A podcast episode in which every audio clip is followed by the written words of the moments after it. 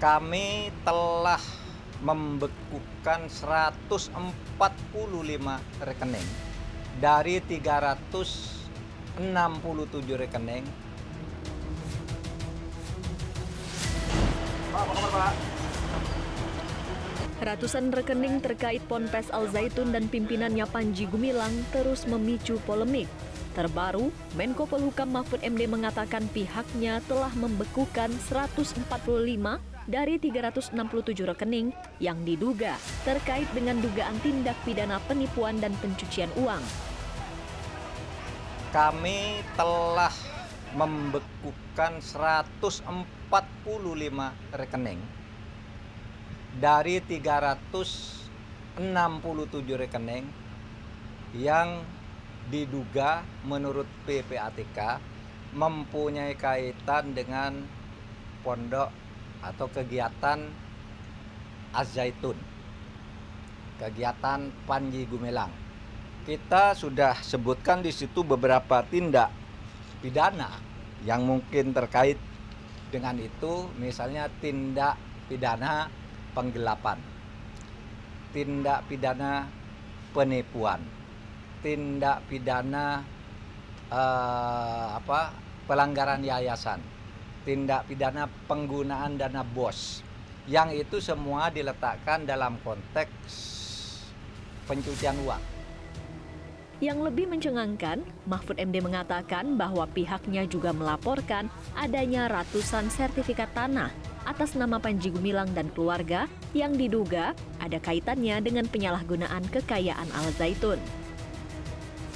Agak lebih fantastis lagi, kami sudah melaporkan adanya sertifikat-sertifikat tanah atas nama Panji Gumilang dan keluarganya yang diduga ada kaitan dengan penyalahgunaan ya. Diduga ada kaitan dengan penyalahgunaan kekayaan Al Zaitun. Karena tanah-tanah itu ditulis atas nama pribadi atas nama pribadi Panji Gumilang istri dan anak-anaknya saya sebutkan ada 295 bidang tanah. Pakar TPPU, Yenti Garnasi mengatakan, kepemilikan ratusan rekening oleh sebuah yayasan, apalagi pimpinan pondok pesantren, adalah hal tidak biasa dan aneh. Yenti menegaskan diperlukan adanya pendalaman terkait sumber dana maupun peruntukan dana yang fantastis tersebut dengan adanya blokir itu kan sudah ada uh, sudah ada dugaan sangat keras bahwa ini ada transaksi yang yang aneh, unusual, yang tidak sesuai dengan peruntukan, tidak sesuai dengan profile. Nah, itu nanti kita lihat uh, ini ini ke mana saja harus kita lihat. Kalau kalau itu tadi berasal dari kejahatan berarti TPU TPPU. Tapi seandainya ada yang sumbernya sah tetapi mengalir kepada uh, kepada apa kepada organisasi teroris misalnya di luar negeri atau dalam negeri itu ada lagi pasalnya yaitu pendanaan terhadap terorisme. Semuanya itu harus kita lihat, kita petakan semuanya kemungkinan-kemungkinan yang bisa dilakukan. Sementara itu, mantan Kabar Eskrim Polri, Komjen Pol Purnawirawan Ito Sumardi menyebut aliran dana pondok pesantren Al Zaitun dan pimpinan Panji Gumilang bisa menjadi pintu masuk menelisik dugaan makar di balik aktivitas ponpes di Indramayu, Jawa Barat itu karena makar ini kan unsur-unsur unsur-unsur pidananya ini sangat berat dan juga harus dibuktikan satu-satu. Kita akan berangkat dari uh, masuknya dari penggunaan dana itu. Bagaimana cara mereka mengumpulkan dana, kemudian tentunya akan ditelusuri kepada yang mencari dana itu bagaimana cara mereka mencarinya, untuk apa, dan kemudian digunakan uh, digunakan bagaimana karena saat ini kan masih tertutup.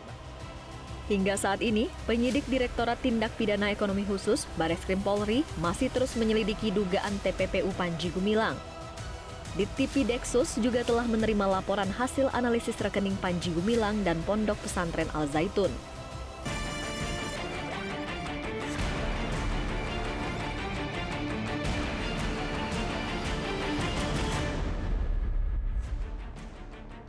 Bareskrim Polri belum menetapkan pemimpin Pondok Pesantren Al Zaitun Panji Gumilang sebagai tersangka. Panji diduga melakukan perbuatan pidana terkait penodaan agama ujaran kebencian berdasarkan SARA dan penyebaran berita bohong.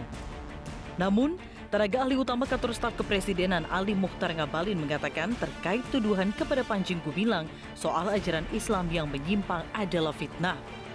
Ngabalin yang juga Ketua Umum PP Badan Koordinasi Mubalik seluruh Indonesia meminta kepada publik untuk menunggu proses hukum yang telah dijalani kepolisian dan jangan menghakimi. Makanya berkali-kali saya bilang, dalam situasi seperti begini, mari kita menyerahkan seluruhnya kepada institusi negara yang namanya Kepolisian Republik Indonesia. Tetapi menurut saya semua pernyataan-pernyataan, mulai dari orang yang mengaku sebagai ulama hebat, paham tentang Quran dan lain-lain, seluruhnya mulut-mulut yang menurut saya keluar dari mulut-mulut itu dalam konsep Islam kebenaran sekalipun tapi kalau disampaikan tidak dengan ketentuan-ketentuan ajaran agama, maka Anda telah memfitnah. Dan itu adalah tata cara yang diatur dalam Al-Quran, Al-Baqarah 193. Fitnah itu orang yang keluar dari agama dan menjadi murtad. Makanya saya keberatan kalau orang Islam itu bertengkar-bertengkar terus. Dalam posisi seperti ini, malu kita sebagai agama mayoritas agama orang di Republik ini ditertarik gitu loh. Di sisi lain, pemerintah diminta melakukan investigasi komprehensif dalam membuktikan tudingan adanya keterlibatan Panji Gumilang dengan Negara Islam Indonesia atau NII. Direktur Eksekutif Setara Institut Halili Hasan mengatakan, dalam menyelesaikan kasus Panji Gumilang dan Al Zaitun, pemerintah harus adil dan melihat hak-hak pendidikan santri yang terimbas kasus ini. Eh, pemerintah memang harus uh, memastikan bahwa pintu masuk untuk me melakukan investigasi mendalam berkaitan hmm. dengan Azaitun itu itu betul-betul strategis. Jadi jangan Betul. hanya bersifat reaksioner dan cenderung hmm. populis. Ya, jangan lupa orientasi dari penegakan hukum itu jangan sekedar bereaksi atas tuntutan sekelompok uh, massa gitu ya. Jadi memang mesti komprehensif kalau ada hal yang harus dijelaskan, penegakan hukumnya itu untuk menjelaskan banyak hal yang berkaitan dengan Azaitun. Hmm. Kita tentu saja tidak ingin publik ini kemudian dihebohkan semata-mata untuk misalnya ya hmm. kaitan Azaitun dengan uh, eh, NII itu. Terkait kasus Panji Gumilang, penyidik Baris Krim Polri hingga kini masih menunggu hasil uji barang bukti di laboratorium forensik. Polisi akan menggelar perkara penetapan tersangka setelah pemeriksaan saksi ahli selesai dan hasil uji laboratorium forensik dikantongi. Dan LSM, LSM sama.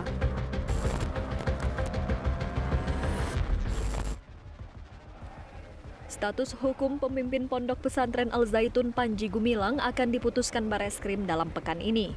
Salah satu alat bukti yang akan digunakan adalah fatwa MUI.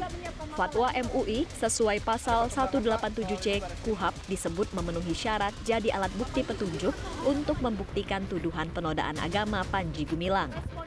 Fatwa akan dikeluarkan Majelis Ulama Indonesia pada pekan ini dan fatwa akan diserahkan kepada Bareskrim Polri tanggal 12 sampai dengan 13 Juli 2023.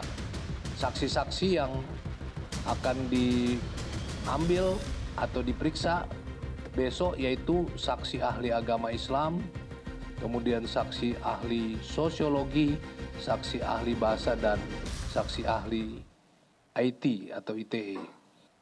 Kemudian terkait dengan penetapan tersangka, saat ini penyidik Polri masih menunggu hasil dari pus lapor Baris Krim Polri. MUI bersama tim investigasi Al Zaitun bentukan Pemprov Jawa Barat sebelumnya sudah mendapatkan jawaban dari Panji Gumilang mengenai tuduhan penodaan agama. Salah satunya adalah ucapan Panji yang menyebut Al-Quran sebagai karangan Nabi Muhammad. Wakil Ketua Umum MUI, Anwar Abbas mengatakan jawaban dari Panji Gumilang harus diuji di pengadilan. Saya minta pihak kepolisian supaya memproses secara cepat ya. Kemudian masalah ini dibawa ke pengadilan. Biar di pengadilan lah kita ya me, me, apa, beradu argumentasi dan beradu data dan fakta. Dan kita analisis ya apa implikasi-implikasi teologis dan sosial terhadap ucapan-ucapan yang dia sampaikan dan dia kemukakan. Menyoal rencana fatwa dari Majelis Ulama Indonesia, Panji Gumilang tidak terlalu ambil pusing. Panji mengatakan MUI hanya LSM yang tidak memiliki kekuasaan untuk menghukumnya. Dan dia itu LSM, Mas. LSM sama. Derajatnya itu sama dengan lembaga pendidikan ini adalah lembaga swadaya masyarakat. Mengapa harus meneliti sama-sama? Kecuali kalau sampean punya pangkat yang lebih tinggi, konstitusional, baru boleh. Anda siap dipanggil polisi? Jangan ngomong siap. Karena Kan selama masih kalau. karena selama Panji bisa saja menyebut MUI sebagai LSM. Tapi pada tahun 2016, fatwa MUI tentang organisasi Gavatar sebagai sesat, fatwa tersebut menjadi salah satu alat bukti yang digunakan polisi dan pengadilan untuk memvonis tiga pemimpin aliran Gavatar termasuk Ahmad Musadek lima tahun penjara.